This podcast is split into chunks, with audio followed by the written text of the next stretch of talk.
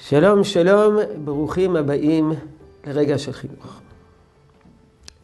נשמות גדולות, נשמות גדולות שצריכים לחנך אותם מתוך אהבה. שאלה, אם הנשמות הן כל כך גדולות, אז למה יש כל כך הרבה משברים בחינוך? זה לא מעיד על נשמות גדולות.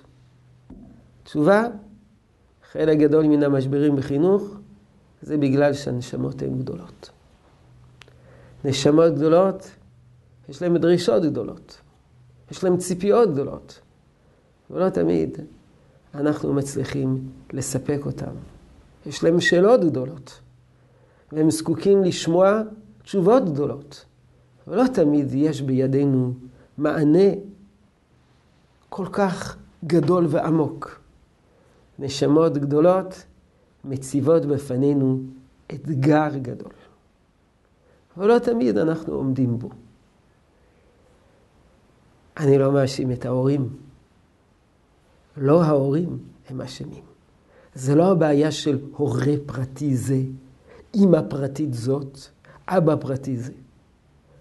זה בעיה של כלל הציבור שלנו. כלל עולם התורה. לא תמיד יש לנו תשובות נכונות. זה אולי לא נעים לומר זאת, אולי זה מביך, אבל זו העובדה. לא תמיד יש לנו מענה מספק לדור גדול. איפה שיש גדלות, יש גם משברים לפעמים שמביאים למצבים נמוכים ביותר, דווקא מתוך גדלות. אבי משל, תלמיד מוכשר מאוד מאוד מאוד יושב בכיתה. המורה נותן שיעור שמתאים לתלמיד הממוצע בכיתה. התלמיד המוכשר משתעמם. זה משעמם אותו. זה כי זה ברמה שלא מספקת את האינטלקט שלו. אז הוא לא כל כך קשוב, כי זה לא כל כך מעניין. והוא לא כל כך קשוב, אז הוא קצת מפריע. הוא קצת מפריע, אז אחר כך הוא, הוא הרבה מפריע. ואחרי שהוא הרבה מפריע, מסלקים אותו מן הכיתה. ואחרי שמסלקים אותו מן הכיתה, אז הוא כועס. אז נוצר סכסור בינו לבין המורה, אז הוא מפסיק ללמוד. בסופו של דבר, הוא לא יודע כלום.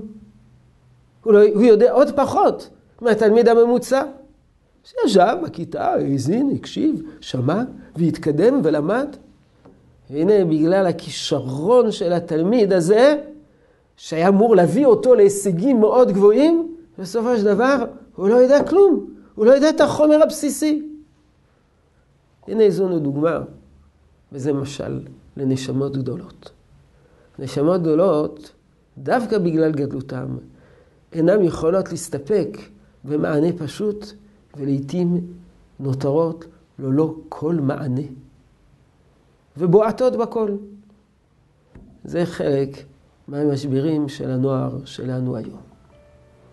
יהי רצון שתשרה הברכה בעבודתנו החינוכית. שלום שלום.